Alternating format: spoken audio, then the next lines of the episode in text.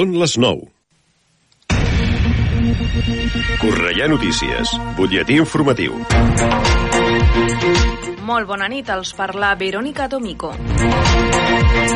52 cornellanenques i algun cornellanenc participen al projecte ONA a Cornellà. L'objectiu és millorar l'ocupabilitat d'aquestes persones a la vegada que se'ls ajuda a cobrir les seves necessitats bàsiques durant el procés de recerca de feina. En un mes des de l'inici de la iniciativa, 8 d'aquestes persones ja s'han inserit laboralment.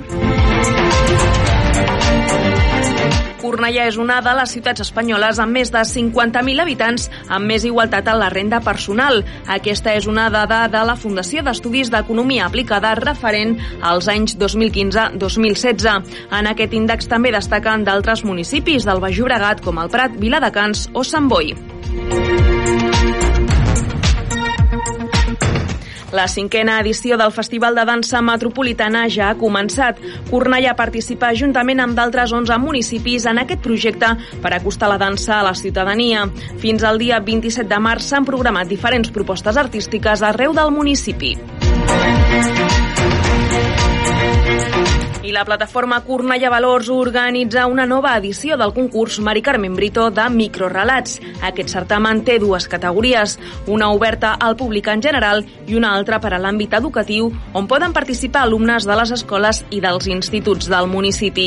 La temàtica triada aquest any és la solidaritat i es poden presentar les obres fins al dia 1 de maig. Al juny es donaran a conèixer els guanyadors i les guanyadores que rebran un diploma i entrades per gaudir de diferents equipaments esportius de Cornellà.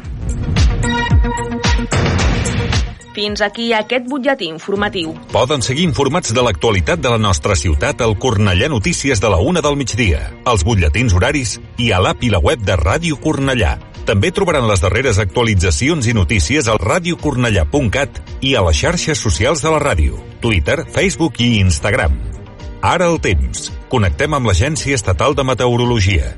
Bona nit. Demà divendres esperem a Catalunya una jornada amb lleugers canvis a les temperatures. Les mínimes pujaran a punts del Pirineu i no canviaran massa la resta amb gelades al Pirineu i amb uns valors mínims a les capitals de província de 8 graus a Lleida i a Girona, de 9 a Tarragona i de 12 a Barcelona. Mentrestant, les temperatures diurnes tampoc canviaran massa amb unes màximes de 16 graus a Barcelona i a Girona i de 15 a Tarragona i a Lleida.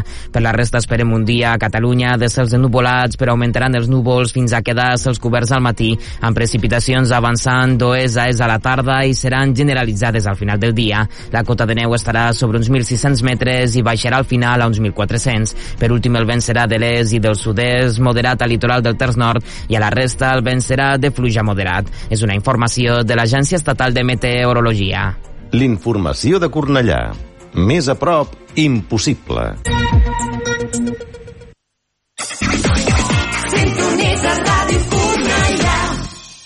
Bon vespre, són les 9 i un dijous més comença Atrapats en la Cultura.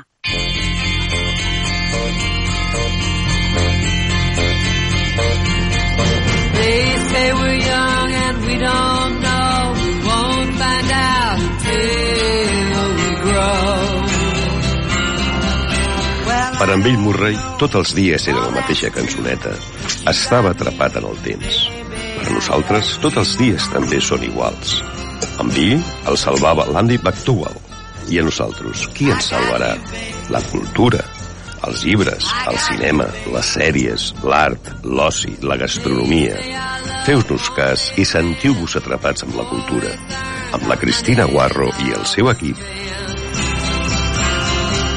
I guess that's so we don't have a but at least I'm sure of all the things we got. Babe, I got you, babe. I got you, babe.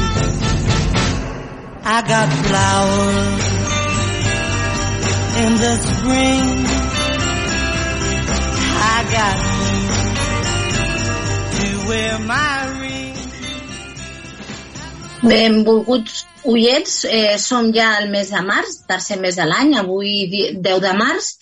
Suposo que estareu, que recordareu que fa dos dies es va celebrar el Dia de la Dona Treballadora. Jo, mentre es preparava el programa pensar si, si fer alguna cosa especial, però realment crec que en el nostre cas no cal perquè com que durant tot l'any ja parlem molt de dones a la cultura, o sigui, crec que, que no cal. I una mica eh, fer la reivindicació des d'això, des, des de parlar-ne habitualment i remarcar la seva tasca, doncs crec que ja és una manera de reivindicar-les. El que sí que us vull recomanar abans de començar el programa és una interessant entre assaig i, i divulgació, un llibre d'edicions eh, B que es va publicar farà un parell d'anys o tres, ara us dic l'any exacte. De, és, la primera edició és del, del març del 2019, per tant en té tres ja.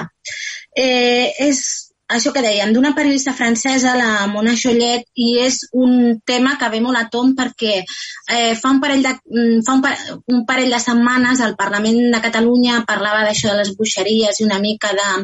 Bé, exactament no sé quin el, el terme legal del que vam votar, però aquest, eh, aquest llibre de la Mona Chollet és, porta el títol de Brujas i Estigma o la fuerza invencible de les mujeres. Eh, és un, és un llibre super, super interessant que jo crec que el, el millor de tot és que eh, combat alguns dels, dels tòpics o que, que jo crec que tenien sobre el que era la, la bruixeria. Primer de tot és que sempre s'ha dit que la bruixeria era una cosa de l'edat mitjana. Bé, la persecució de les bruixes i les falses acusacions a, a dones per exercir la, la bruixeria perquè majoritàriament totes les condemnades per, per bruixeria, i això sí que vull deixar-ho clar, eren dones, eh, d'homes ben pocs.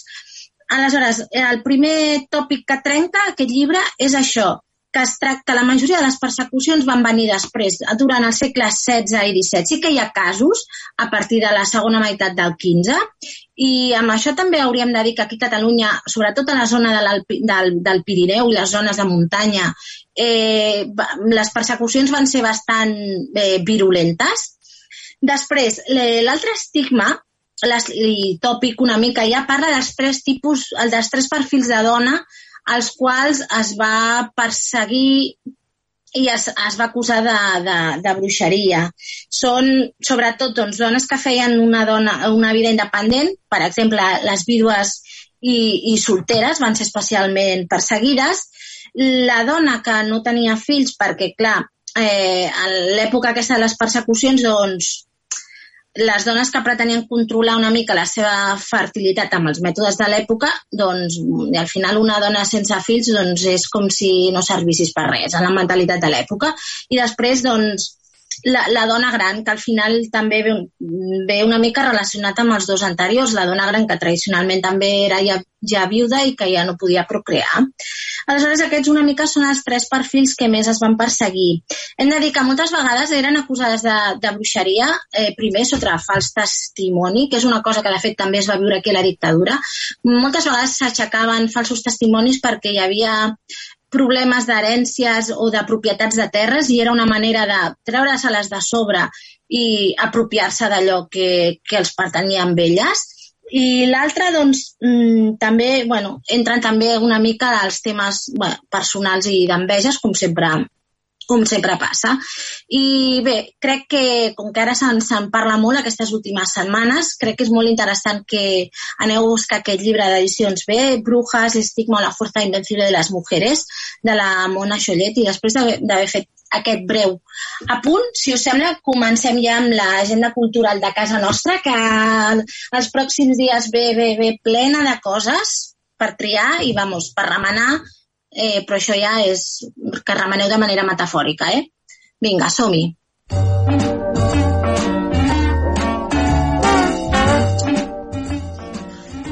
I un any més, Cornellà torna a formar part de la programació de la cinquena edició del Festival de Dansa Metropolitana, amb una vintena d'actuacions que es duran a terme a diferents escenaris de la nostra ciutat. L'Auditori de Sant Ildefons, la Sala Ramon Romagosa, la plaça de Sant Ildefons, Can Macadé, el Cinemes Full, la plaça de Carles Navales i la plaça de l'Església. D'aquesta manera, la dansa, el ball, el ballet i l'expressió corporal en general tornen a inundar la zona metropolitana de Barcelona amb una nova edició d'aquest festival festival. Les actuacions de Cornellà tenen horaris de matí o de tarda i comencen l'11 de març, o sigui, això vol dir que demà mateix. I en l'àmbit general, la programació del festival es durà a terme del 10 al 27 de març. De fet, si recordeu d'anteriors edicions, es deia quinzena de dansa metropolitana. Aquest quinzena ha desaparegut perquè actualment s'ha ampliat el, el número de dies i els municipis on es farà doncs, serà Badalona, Barcelona, Prat, Esplugues, Granollers, l'Hospitalet, Sabadell, Sant Cugat, Santa Coloma de Gramenet, Terrassa, Viladecans i Cornellà. En total són 12 municipis que en aquesta edició ompliran la dansa als seus teatres, als centres cívics, als carrers i les places. I eh, farem, a continuació el que faré és un esment de les properes actuacions a Cornellà, però si voleu mm, informació més detalladament, si plau, aneu a la, a la pàgina web, que allà tindreu absolutament tot, podreu buscar per itineraris, per, pels, per ubicacions, pel tipus d'espectacle, Eh, em sembla que també permet buscar els espectacles que són gratuïts dels que són de pagament, o sigui que aneu-hi i allà us podreu informar eh, més extensament. Mira, comencem divendres 11 de març, a quarts de 6 de la tarda, a quarts de 9 del vespre, un taller de flamenc a l'Auditori de Sant Ildefons.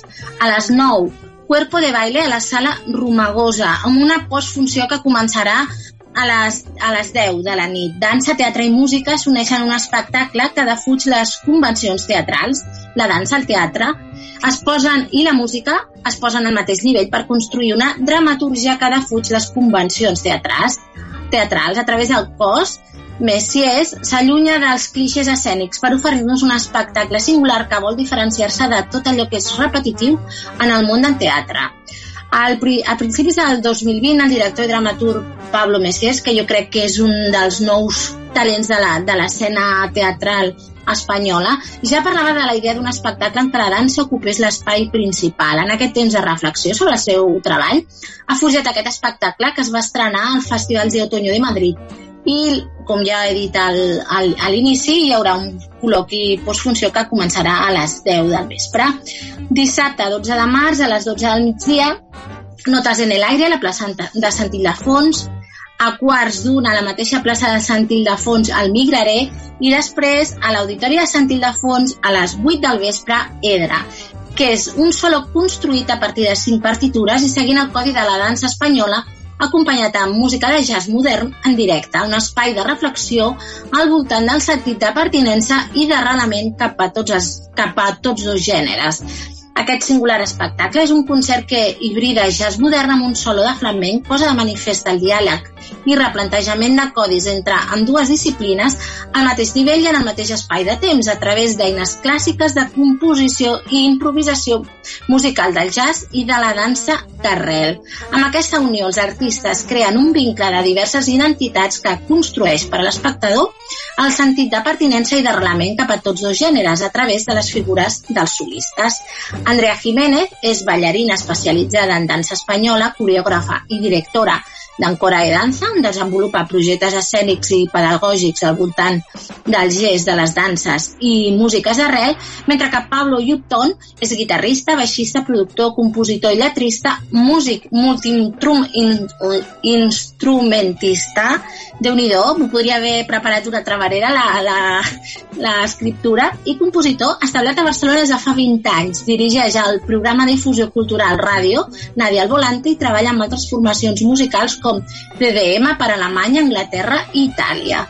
Diumenge 13 de març eh, hi ha una performance que es faran dos passis, una a les 12 i l'altra a quarts d'una del migdia, i és la performance L'home alliberat, que va vinculada a l'exposició No Malú l'home nu, disculpeu, al Museu Palau Mercader. Es tracta d'una activitat complementària en què la dansa i el videoart es fusionen en la peça pictòrica L'home alliberat d'Ivon Navarro, pintura en moviment per descobrir-nos un relat sobre gènere i lluites per alliberar-nos-en. Aquesta performance multidisciplinària col·lectiva forma part de la peça pictòrica L'home alliberat que es pot veure al Museu Palau Mercader amb la dansa, la música i el videoart, la peça es transforma en pintura en moviment per parlar-nos del pes de la motxilla de gènere que carreguem des de la infància, de les presons i d'un viatge i lluita per tal d'alliberar-nos del seu pes. Ivonne Navarro és il·lustradora i artista plàstica, creadora de la peça pictòrica d'aquesta peça pictòrica. El seu art es caracteritza pel seu caràcter social i reivindicatiu.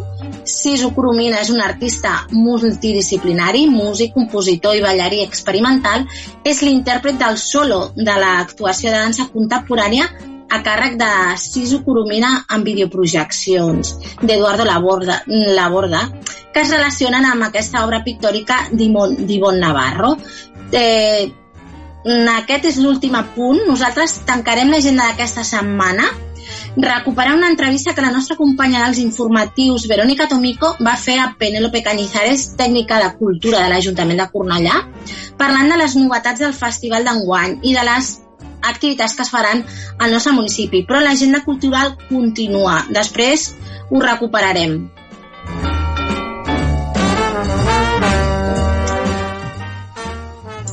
I ja canviem de terç. Eh, divendres, 11 de març, a la, sola, a la Sala Padró, a les 7 de la tarda, coneixem altres vides. La vida de Nadia Gulam. La Nadia Gulam és una dona afganesa que durant 10 anys es va fer passar pel seu difunt germà per poder viure, viure i sobreviure a l'Afganistan sota domini talibà. Ara viu a Catalunya i vindrà a la Sala Padró per explicar-nos la seva impactant vivència i la tasca que fa amb l'associació Ponts per la Pau. L'experiència de ser dona en un règim privat de totes les llibertats, el cos engaviat, aprendre a viure en un nou univers cultural, escriure per entendre i fer entendre, el seu missatge de superació a través dels seus llibres i de la seva veu és un cant a la pau i a la cura dels altres que ens convé tenir molt present. És una activitat gratuïta, però cal reservar prèvia d'entrada. De, Thank you.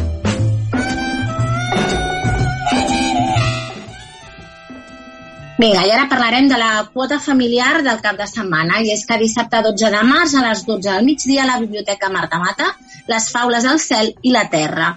Espectacle que combina la narració de contes, alguns de collita pròpia i d'altres extrets, de la cultura popular oral, amb cançons cantades, amb una guitarra. A través de les històries que ens explicaran en aquest espectacle podrem inter interactuar i endinsar-nos en un univers màgic ple de, ple de natura, animals i faula. La música que ens, que ens acompanyarà en tot moment farà que l'espectacle sigui dinàmic i divertit. És a càrrec d'en Jaume Ibars i l'accés és lliure.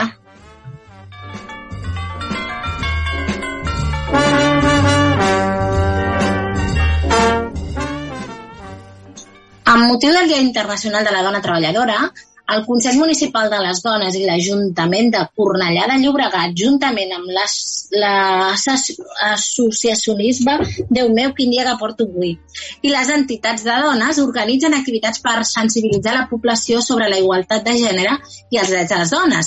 Enguany, a diferència de les dues últimes edicions, o eh, les, totes les activitats seran presencials. Entre els actes destacats hi ha la celebració del quart Festival de Música per la Igualtat, que serà dissabte 12 de març a la plaça de Catalunya.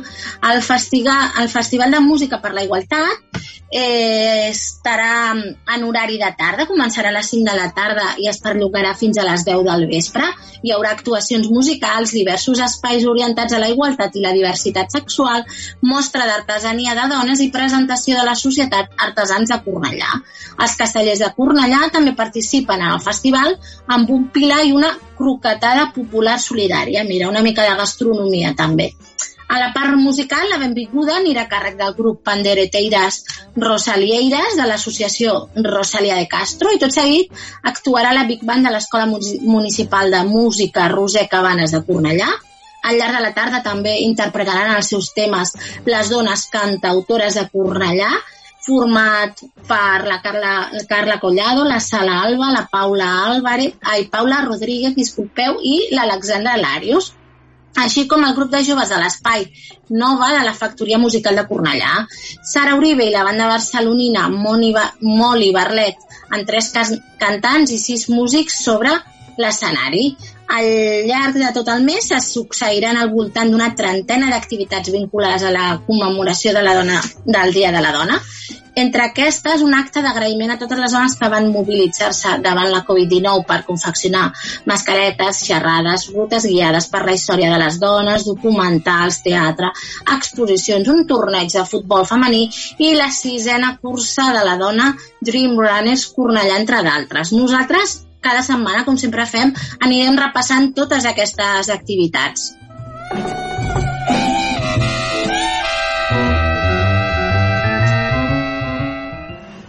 Diumenge 13 de març a les 6 de la tarda a la sala Ramon Romagosa, la deessa de les pells, de David Ives. Arriba una nova jornada de la dotzena edició del concurs de teatre amateur Ciutat de Cornellà, Premi Joaquim Vila i Folk.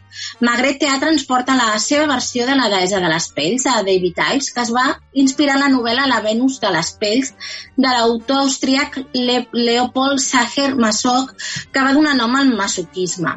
La sinopsi és la següent. Un teatre, un director en Thomas, que al final d'una tarda d'audicions cansat i desanimat perquè cap noia és prou bona per interpretar el paper protagonista de la seva obra, una adaptació de la Venus de les Pells, es disposa a anar-se'n cap a casa. A l'últim moment apareix Banda, una jove actriu que és tot el que ell detesta, ordinària, vulgar, sense cervell, però que no s'aturarà fins a aconseguir el paper a través d'una increïble metamorfosi proveïda d'accessoris i disfresses, entra en el personatge recitant cada línia del guió.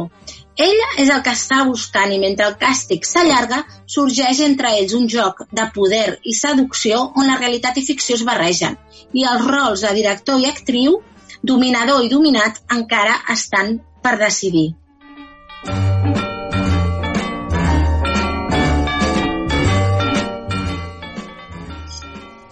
Dilluns 14 de març a les 6 de la tarda a la Biblioteca Marta Mata, conferència eh, titulada Dones 2.0, d'on venim. Activitat inclosa dins del programa del Dia Internacional de la Dona Treballadora.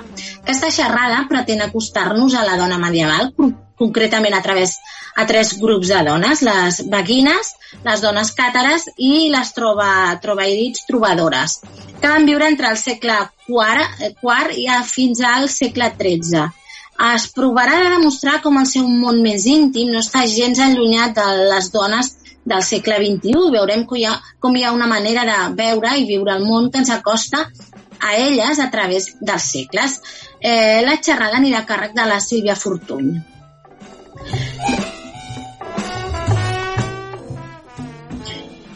Doncs nosaltres l'agenda cultural de la propera setmana ja l'hem acabat i ara us deixem tot seguit amb l'entrevista a la Penélope Cañizares, la tècnica de l'Ajuntament de Cornellà, tècnica de cultura, disculpeu, que ens parlarà una mica d'aquesta nova edició del Dansa Metropolitana.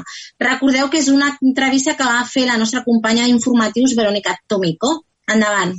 Cornellà torna a participar un any més al, al Festival de la Dansa Metropolitana, que aquest any, aquest 2022, arriba a la cinquena edició. Per tota la ciutadania que encara no conegui aquest festival, recordem en què consisteix aquesta iniciativa artística i cultural. Doncs Dansa Metropolitana és un projecte de caràcter metropolità que va néixer, com ens dius, fa 5 anys i en el qual ara ja participen una 10 municipis, Badalona, Barcelona, Cornellà, El Prat, Esplugues, Granollers, Hospitalet, Sabadell, Sant Cugat, Santa Coloma, Terrassa i Viladecans. Per tant, és un projecte que el que intenta és teixir xarxa, teixir xarxa entre tots aquests municipis per tal de fomentar el sector de la dansa i especialment els creadors de la dansa a, a Catalunya. -hmm. Hem de dir que aquest any eh, hi ha molta varietat d'espectacles, però hi ha com un fil conductor, que si no m'equivoco s'anomena confluències, que d'alguna manera el que pretén és donar espai doncs, a creacions artístiques més consolidades, però també a nous artistes que comencen ara a presentar nous projectes. No? Explica'ns una miqueta més ben en què consisteix aquest projecte, aquesta iniciativa concreta d'aquest any. Doncs sí, des de la Comissió Artística de Dansa Metropolitana cada any intentem doncs, mm, tractar un tema per fomentar la creació en el sector. Així com l'any passat va ser filatures i vam treballar a les fàbriques tèxtils de, de Catalunya, que creiem que és un tret identitari nostre, doncs aquest any hem volgut treballar sota el concepte de confluències. Confluències en el sentit d'aquest espai on la gent es troba, conflueix eh, generacionalment diferents, culturalment diferents, i per això també hi ha hagut una aposta doncs, de buscar produccions i creacions que tinguin aquest concepte, com Migraré, de Maduixa, que és la peça que itinerarà per diferents municipis i que la tindrem el dia 12 a la plaça Sant Ildefons a Cornellà i així com també doncs, altres propostes on la cultura i la identitat és molt present i aquest espai de trobar-se no? i gaudir-ne. Mm -hmm. Ja hem comentat, són moltes les ciutats metropolitanes que hi participen en aquesta cinquena edició, però Cornellà concretament té un ventall de propostes molt ampli i molt variat. Expliquem una miqueta quines són algunes de les més destacades. Podríem destacar totes, perquè realment totes tenen molt de valor, però parlem de les més novedores o les que considerem que sí o sí hem d'anar a veure. Sí, certament aquest any hem volgut treballar un programa complex, no?, en què pugui trobar-se tothom i tothom pugui trobar aquella peça o aquell projecte en què li agradaria participar. En aquest sentit, doncs hem volgut treballar doncs, amb peces centrals, importants, que venen just com del Festival Otoño de Madrid, com és Pablo Messiez amb Cuerpo de Baile. Es tracta d'una peça forta, potent, que gràcies a participar a Dansa Metropolitana doncs l'hem pogut portar no? i que creiem que és, pel sector de la dansa és interessant poder portar a la perifèria una proposta d'aquest caràcter i que podrem veure el dia 11 a les 9 a la sala Ramon Romagosa i després també hem volgut molt també treballar amb l'emergència no? amb aquests joves creadors que després d'un període de confinament doncs, han estat treballant les seves peces i que moltes d'elles doncs, parlen molt de, de la cultura d'arrel o sigui, ens estem adonant que des d'ara molts molts joves els interessa molt la hibridació de, de tècniques i, i de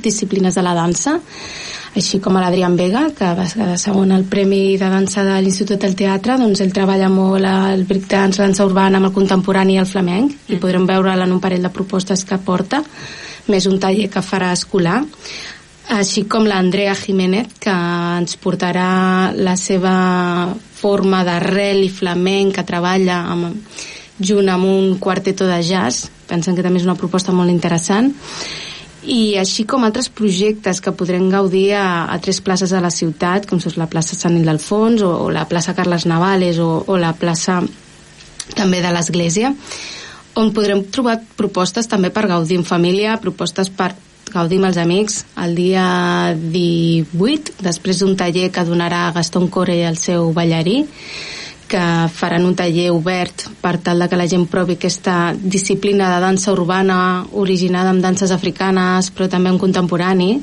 Doncs volem obrir el que és el Let's Dance que és com un espai perquè després de la peça de, dels lunares del Pluma l'Adrián Vega i d'una altra peça que vindré d'Andalusia doncs puguem crear un espai en què la gent s'hi trobi i pugui fer un, una jam en què puguin sortir també després d'experiència un taller, després de veure aquestes peces a carrer.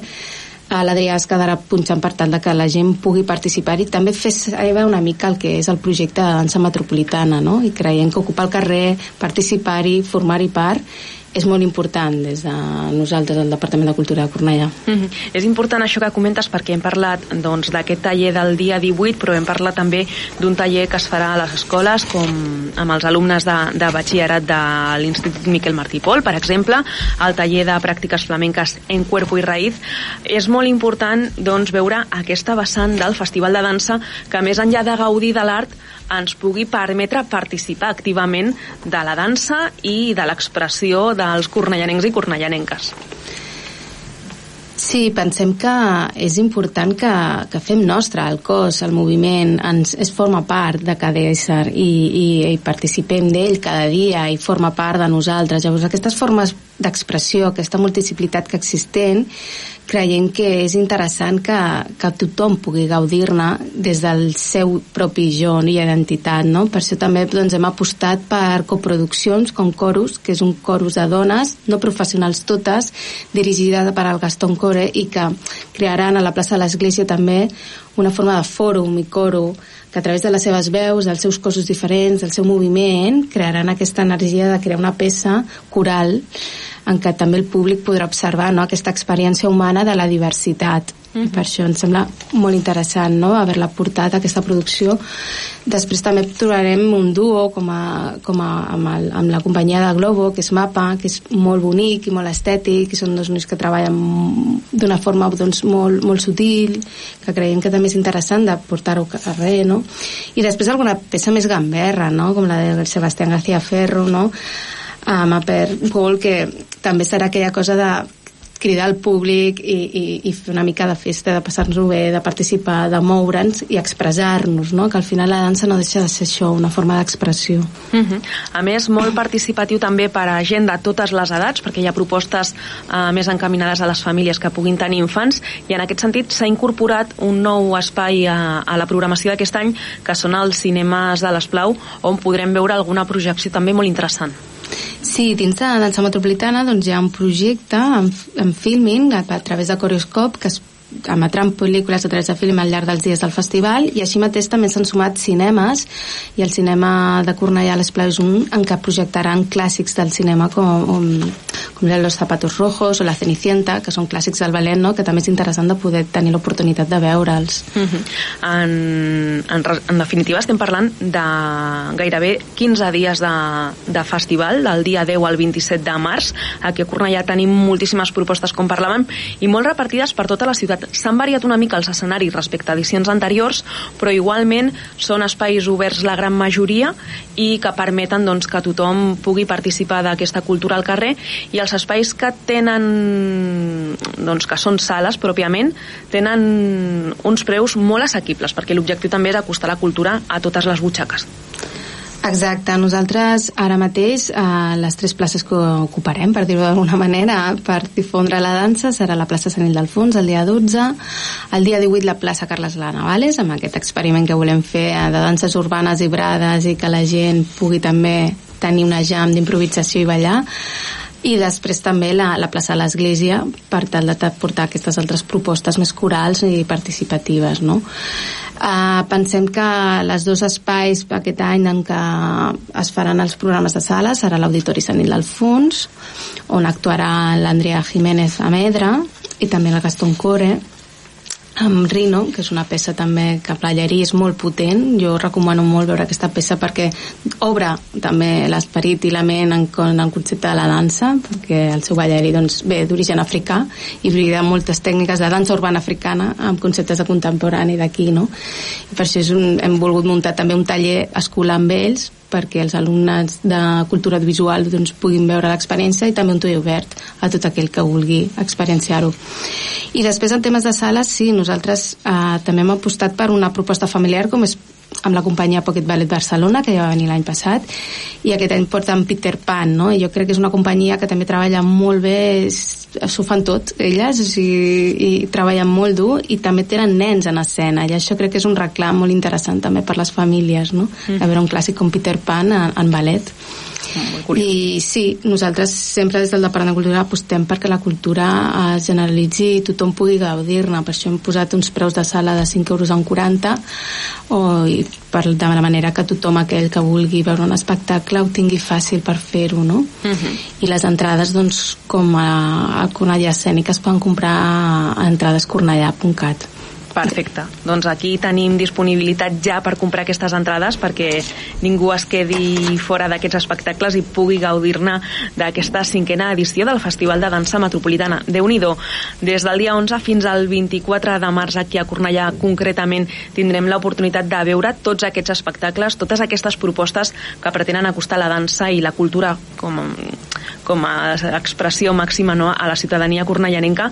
Avui hem d'agrair-te, Penélope Cañizares, tècnica de Cultura de l'Ajuntament, que hagis estat amb nosaltres per repassar de forma àmplia doncs, aquesta programació d'aquest any i recordem a tota la ciutadania que ja poden comprar les entrades entradescornellà.com per un preu de 5,40 i gaudir d'aquesta proposta d'aquest 2022. Gràcies, Penélope. Moltes gràcies a vosaltres i també dic que tothom pot anar seguint l'actualitat de, de Dansa Metropolitana a la seva web dansametropolitana.cat i també poden seguir totes les xarxes de cultura Cornellà podran seguir tot el que és a la programació que estem aquests dies fent. Moltes gràcies.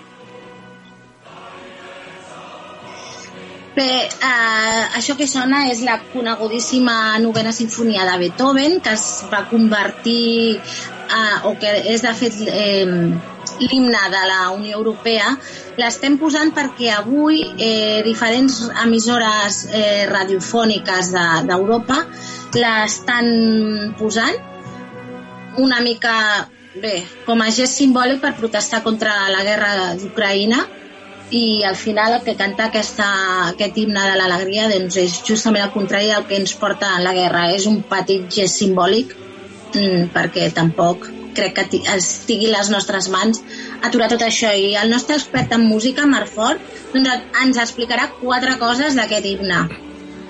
Doncs, bueno, això, bueno, això és l'expert. S'intenta, s'intenta una miqueta. Bé, l'himne a l'alegria forma part de la novena sinfonia de, de, Be de Beethoven, composada entre 12, 1822 i 1824. Està dedicada a Frederic Guillem III de Prússia i l'obra completa dura uns 70 minuts, més o menys. Uh, està composada de quatre moviments i que és orquestra i cor. De fet, i és una de les primeres sinfonies cantades, també. Uh, es basa en un... Bueno, la, la lletra del poema és uh, Ode, Ode to Joy, uh, no sé com es diria en alemany, no això, del poema, del poema, no, del poeta Fre Friedrich Schiller, que... Bueno, això crec que és una prou bé. Sí? sí, millor, sí, millor. Sí, sí. El, meu, el meu alemany... Bé, el, el poema aquest va estar composat entre 1785 i 1800... Bueno, composat el 1785 i mm, modificat una mica el 1803. Uh, després, per la sinfonia, Beethoven va fer, en va fer alguns algun petit, alguna petita modificació per, a, per adaptar-lo. Uh, dic que la sinfonia aquesta, el número 9, uh, està considerada per molts experts la més gran obra de Beethoven i, de fet, d'una de les més grans obres de la música clàssica. Bueno, per extensió, no? Perquè, clar, si estem parlant... Sí, bueno, clar, parlar de Beethoven és, és parlar d'un del, dels grans compositors clàssics i aquesta, bueno, està com... És, de fet, de les més interpretades de, també de, de sinfonies. De fet, tothom... Si, a, a la que sents l'himne de l'alegria eh, ja, ja et ve la novena sinfonia de Beethoven. És com... com és que és super reconeixible. Mm -hmm. Doncs això és, és part només del, el, del, quart, del quart moviment. Uh, ja com a curiositat així, i també dic que el, el 2001 la, la partitura original, que es conserva, la, la, el manuscrit de, de Beethoven, està, està a la Berlin State Library i uh, afegida en, el, a la memòria del patrimoni mundial. De, o sigui, la, en, en el catàleg de patrimoni mundial de, de, les, de les Nacions Unides. Ahí és, no? Ah. Sí, sí, déu nhi Doncs deixem-la en primer pla, no?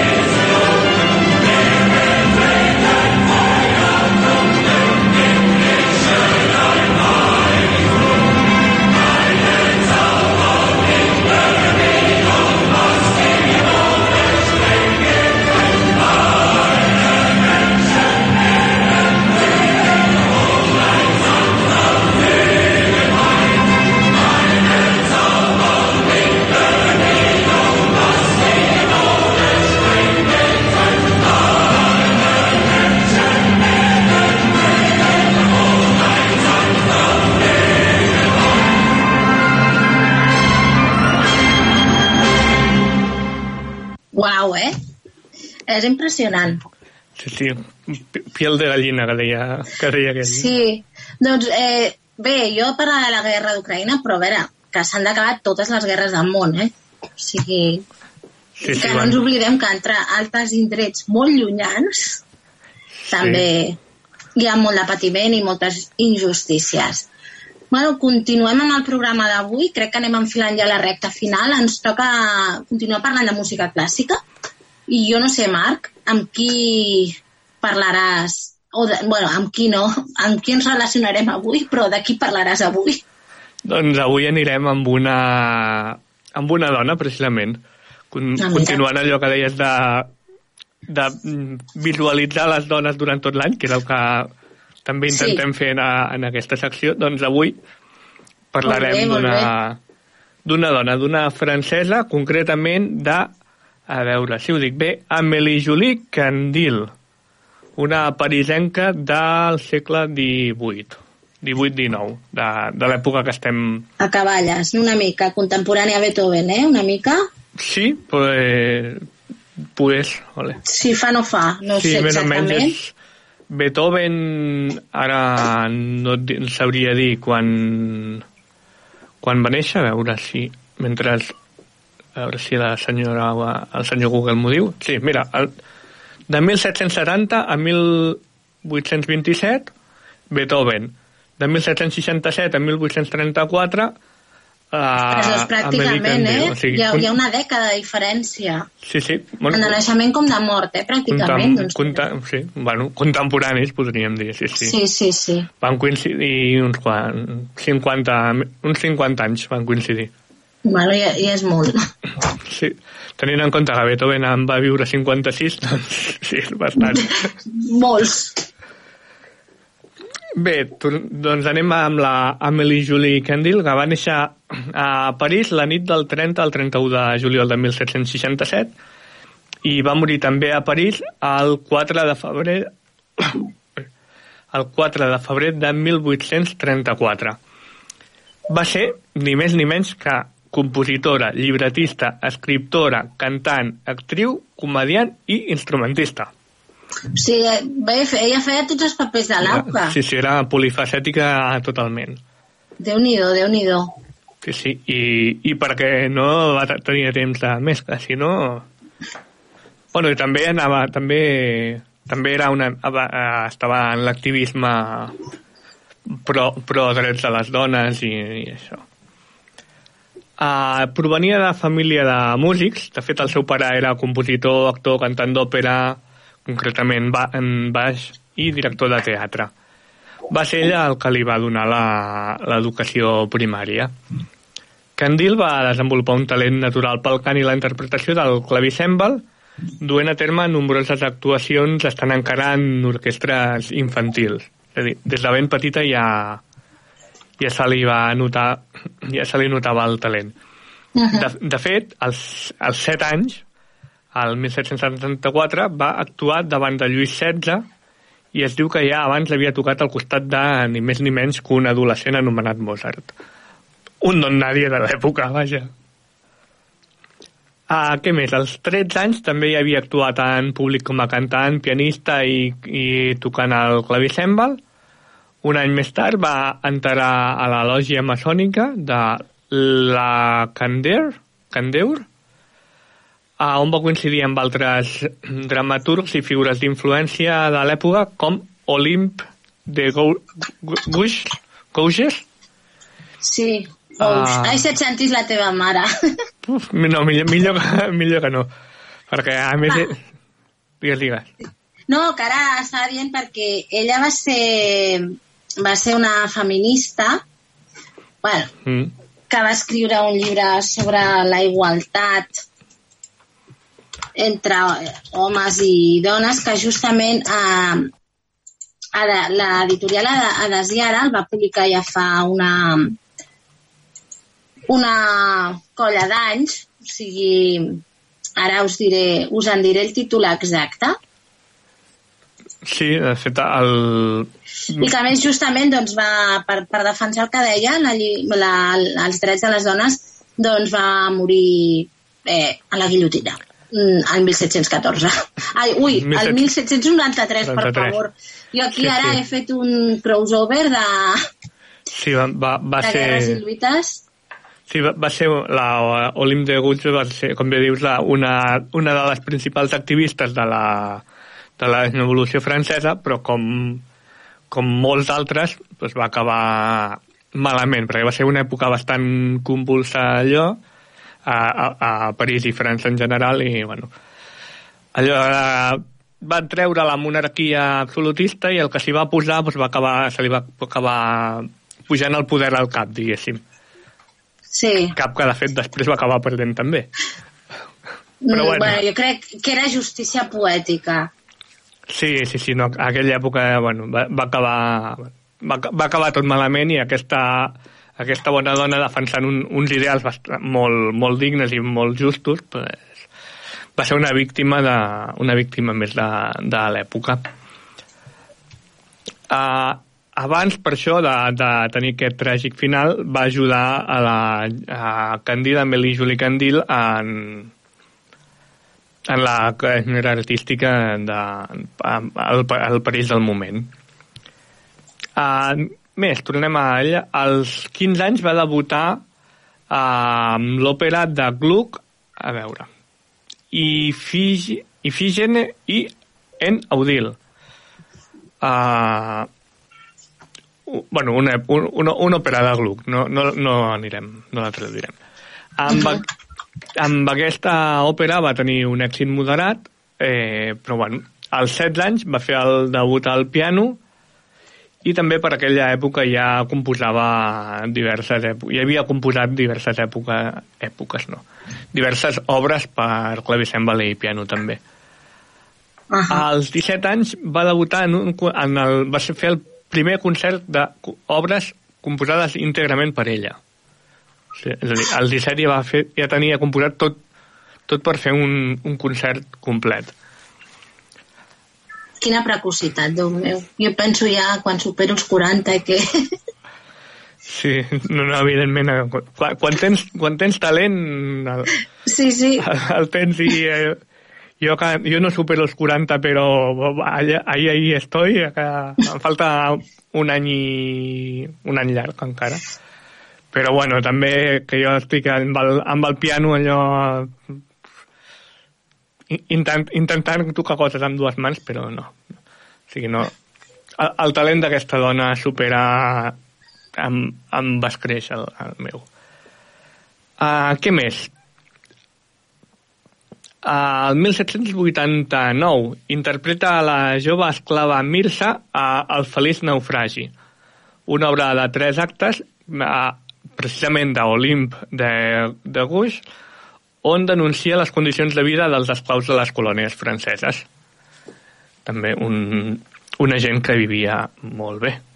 Eh, Superbé. Sí, fantàsticament bé. Evidentment, no. El 1792, tres anys més tard, va debutar en la seva obra més coneguda, Caterina o la bonica pagesa, al teatre francès. Ella mateixa en va escriure el llibret i música, a part de, de protagonitzar-la. Es va, es va presentar unes 150 vegades en 35 anys. O sigui, va tenir, va tenir bastant d'èxit. Uh, no tot és perfecte en la vida, perquè deien que la, tenia una forta personalitat i unes idees poc convencionals que van fer que no tingués precisament el que es diu la simpatia dels contemporanis. Vaja, li, li, li mancaven les habilitats socials, eh? Sí. De fet, bueno... No, D'altra banda, perdona, o sigui, prou importants, perquè al final, o sigui, n'has de saber, no?, relacionar-te bé per tal de guanyar-te la vida en alguns àmbits. Sí, no, evidentment, saber, saber socialitzar és important, però també des d'aquí és important saber entendre els que no saben socialitzar perfectament. L'empatia. Sí, o sigui, és una mica eh, pels, pels dos costats que hi ha d'haver una això perquè no, no, no tots sabem socialitzar perfectament o, o bueno, en, encaixar en, la, en el que espera la societat d'un Però bueno, aquí també diuen que era una mica vanidosa, o sigui, que s'ho tenia una mica cregut. Però bueno, Bueno, però això, Això- també... sí, no, a veure, això amb els artistes també passa, passa bastant, eh? Sí, Però bueno, també en aquest és la part de... És veritat, no és veritat, bueno, hi ha aquestes coses, eh, enveges que n'hi ha per, to, per tots costats. sí, Però bueno, la qüestió és que eh, venidosa o no, poc convencional o no, va tenir molt, molt d'èxit van a, a, a l'època. Tot i que en el seu, els nostres dies de totes les composicions que van fer doncs, s'han s'han- n'han animat poquetes. Uh, entre d'altres, doncs la, si et sembla, ja per, per anar acabant, perquè crec que ens queda poquet temps, sí, avui al final ens hem acabat extenent bastant. Uh, doncs posarem, a veure, la, sí, la sonata en sol al moviment 2, però que es diu concretament Adagio con espressione.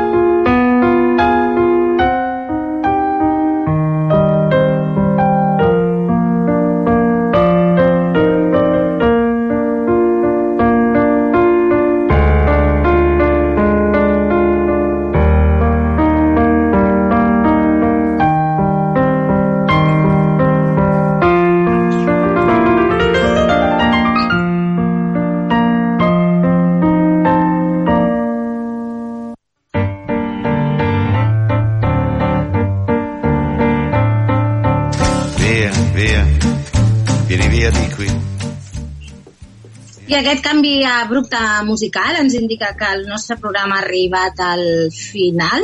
Nosaltres tornarem la setmana vinent, 17 de març. Eh, bona nit, Malfort. Bona nit.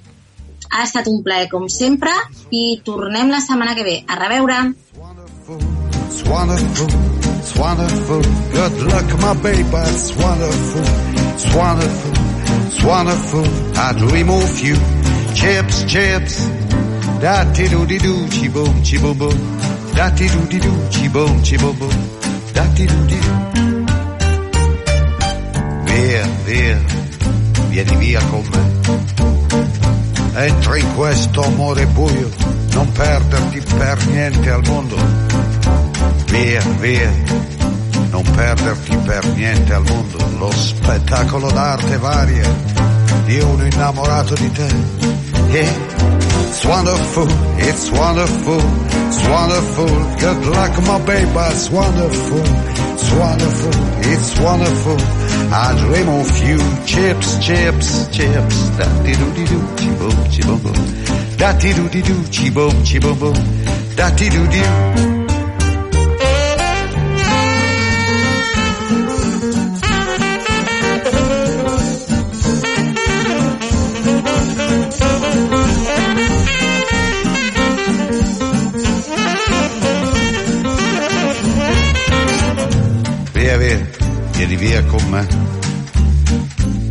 Entra in questo amore buio, pieno di uomini. Via, via, entra e fatti un bagno caldo. C'è un accappatoio azzurro, fuori piove un mondo freddo. It's wonderful, it's wonderful, it's wonderful. Good luck, my baby, it's wonderful. It's wonderful, it's wonderful. I dream of you, chips, chips. Da ti do di do, chi boom, chi boom boom. Da ti do di do, chi boom, chi boom boom. Da ti do di do. Sintonitzes Ràdio Cornellà. T'agrada aquest programa? Descarrega't ja l'aplicació gratuïta Ràdio Cornellà per iPhone i Android. El podràs escoltar, compartir i descarregar. Ara, ho tens més fàcil que mai. Gaudeix de Ràdio Cornellà quan vulguis al teu mòbil. Si te llaman por teléfono o a la puerta, si te paran por la calle, siempre que te pregunten qué emisora escuchas, tú lo tienes claro. Tu respuesta es Radio Curnallá, por supuesto. Radio Curnallá, siempre a tu lado.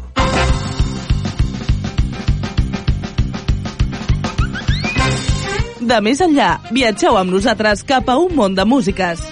Connecta't amb De Més Enllà cada diumenge de 5 a 7 de la tarda a Ràdio Cornellà, amb Jordi Garcia.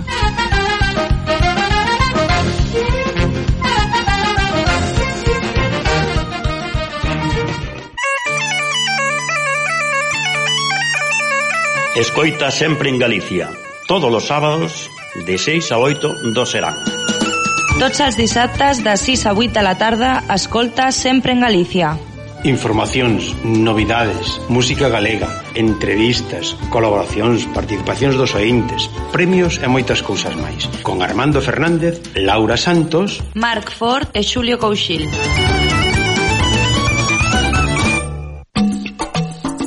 Radio Cornellá, tu radio amiga. Mordiendo asfalto, una parodia radiofónica no apta para todos los públicos. I para mi? Para ti no, payaso. Tots els dimarts a partir de les 11 de la nit a Ràdio Cornellà. Mordiendo asfalto, tu programa de radio para ayudar a las personas que lo necesitan.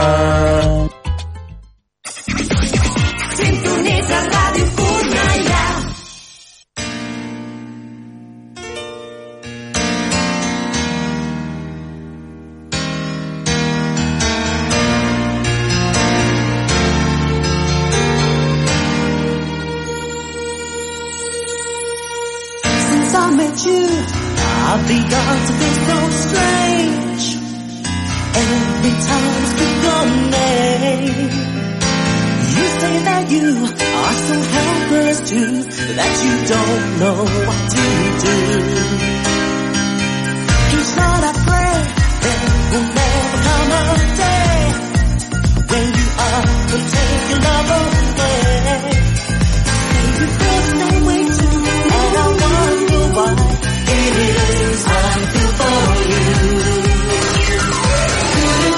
Falling in love.